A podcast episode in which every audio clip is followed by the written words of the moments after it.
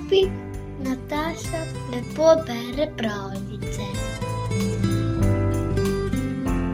Ta je bila res hudobna, vendar je kazen doletela tudi njo.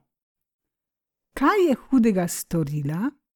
Izveš v srbski pravljici hudobna tašča.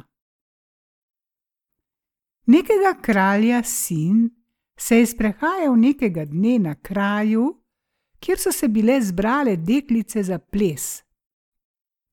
Zaustavil se je malo in gledal deklice, ki so rajale.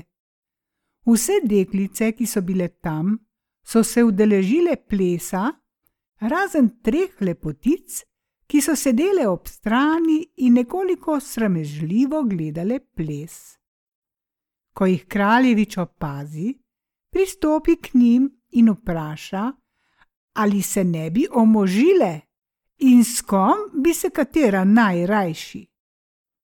Prva odgovori, da bi vzela mlinarja, ker ima dosti kruha, druga pastirja, ker ima dosti mleka, tretja pa vzdihne in reče: Oh, da bi vedel kraljev sin, kaj bi mu jaz rodila, bi se koj jutri z menoj oženil. Kaj? jo vpraša kraljev sin. Ona pa mu odvrne: Dva sinčka z zlatimi rokami in hčerko z zlato zvezdo na čelu, vse tri hkrati. Ko kraljev sin to čuje, jo vzame koj s seboj doma jo pelje v cerkev k poroki in čez malo časa je zanosila. Ta kraljevič ni imel očeta, ampak samo mater, čez mero hudobno žensko, ki je sovražila svojega sina, zlasti zdaj, ko se je oženil s preprosto deklico. Začela je tuhtati, kako bi svojo snaho, njegovo ženo, spravila s sveta. Isti dan, ko naj bi mlada kraljica rodila, je njen mož šel na lov. V tistem času je porodila ona dva sina z zlatimi rokami in hčerko z zlato zvezdo na čelu. Ljubosumna tašča ni bila zadovoljna. V svojem sovraštvu je sklenila škodovati tako sinu, kot snahi in njenim otrokom. Na dvorišču je pograbila tri mlade mačke, jih dala v zipko in pokrila z odejico. Tri novorojenčke pa je zaprla v zaboj in ukazala slugi, da ga vrže v najbližjo reko. Zvečer, že v mraku, ko se je kraljevič vrnil domov, mu je pritekla mati naproti in povedala, da mu je žena rodila tri mačke. Kraljevič je verjel, ne da bi se prepričal, kaj je res. Strašna napaka. Ženo je predal stražarjem. Peljali so jo v globok gost, v mahovnato, na pol podrto kočo, v kateri so živeli trije stari lovci. Tam so jo pustili, da je stregla trem lovcem, oni pa so skrbeli za to, da od lakote ni umrla. Tisti zabojček s trojico otročičkov pa je plaval po reki in sreča ga je zanesla k velikemu dvoru in vrtu silnega bogataša, ki je prav tedaj sedel poleg reke pred svojim domom. Ko zagleda zabojček, ukaže brž slugam, da ga prestrežejo in prinesejo. Ko ga odpre in zagleda tiste tri otročičke v njem, se razveseli in začudi, preskrbi jim dojiljo in jih redi. Ko sta fanta bila že godna za orožje, deklica pa za ženitev, je bogataš povabil kralja na kosilo.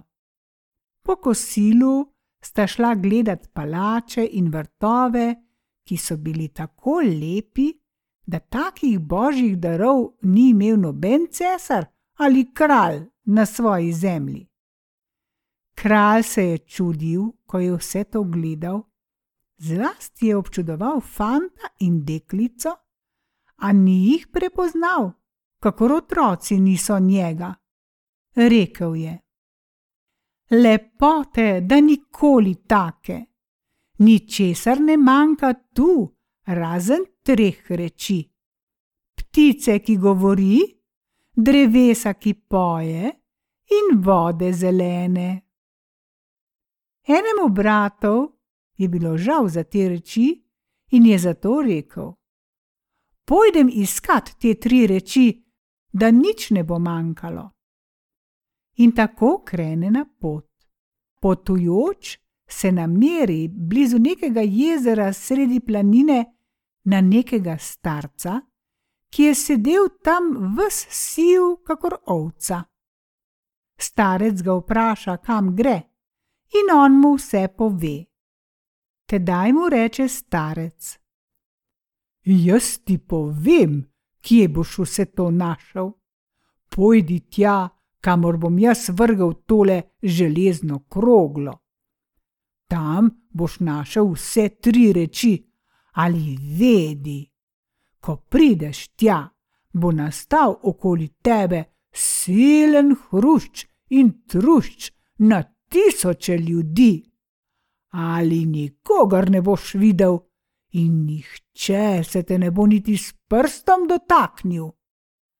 A gor je tebi, če se ozreš nazaj, ker sicer boš na mestu akamenel. Ko fant to sliši, steče do tistega mesta, kamor je starec vrgel kroglo. Kakor da bi nebo treščilo na zemljo, se v tistem hipu dvigne vik in krik od tisoč strani. On se obrne, da bi videl, kdo je, ali ne vidi nikogar, in se prestraši in okameni. Ko vidi drugi dan brat, da se brat ni vrnil, gre za njim, sreča starca in starec mu reče isto, kakor prvemu.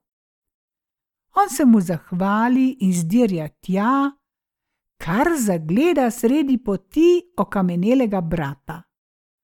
Začne jokati in ga poljubljati, ali v tistem zasliši silen hrušč in krik na tisoče raznih glasov. Prestraši se in začne bežati nazaj, a komaj se obrne, okameni tudi on blizu brata. Ko vidi, da ju ni nazaj, vstane njiju sestra drugi dan že rano ob zori in gre za njima. Nameri se na istega starca in on ji pove vse, kako je in kaj je, in jo začne odvračati, da ne bi šla tja, češ da se nihče od tam še ni vrnil. Pristavi še. Če so se celo oboroženi ljudje prestrašili, kako se ne bi deklica, kakršna si ti. Ali ona noče o tem nič slišati, ampak nabere neke trave in si z njo ušesa dobro zamaši. Po vrhu pa še z ročicama in reče starcu: Vrzi mi kroglo, da pojdem tja, kamor bo padla. Samo povej mi, ali bom našla vse tri reči, kakor sem ti rekla, in ali bom našla okamenela brata. Starec ji odvrne: Boš in vrže kroglo. Ona pa zdirja takoj tja, kar so jo noge nesle ko pride do obeh okamenelih bratov, ju spozna in začne jokati, ker ji je srce pokalo od žalosti. V tistem zasliši nekakšen ali ne prav silen trušč. Ona pa se opogumi in steče tja, kamor je bila padla krogla. Ko pride tja, opazi veliko votlino in v njej zagleda ptico, ki ji pri tisti priči prileti na desno rame in ji reče: Hvala Bogu, koliko časa te že čakam. In še to ji reče: Pojdi tja do tistega jezera, zajemi zelene vode in do tistega drevesa, ki poje. Odlomi vejco in ko prideva do tvojih bratov, namaži ju, da oživita. Ona stori vse to. In ko se vrne in pride do bratov, ju namaže. Kakor bi trenil, oba oživita in vsi trije se vrnejo domov. Doma se jih je tisti bogataš neizmerno razveselil, a še bolj, ko je zagledal tiste tri reči, za katere je rekel kralj, da jih nima.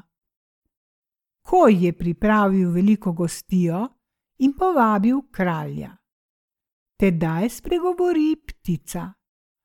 Ko bo miza pogrnjena, gospodar, ne smeš prinesti ne žlic, ne vilic, ne nožev, naj kralj kar tako z rokami zalaga.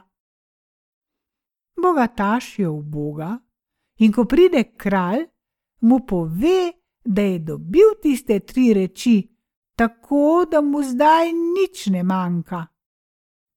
Prisedejo k pogrnjeni mizi. Ko vidi kralj, da na mizi ni ne žlic, ne nožev, ne vilic, reče zbadljivo: Kaj pa je to? Kako naj se to zalaga? Lepo, odgovori ptica. Z muko, kakor so se do zdaj mučili tvoja dva sinova in hčerka. In pokesaj se, pokesaj se zdaj, da si docela nedolžno kaznoval svojo ženo in njihovo mater. To so tvoji otroci.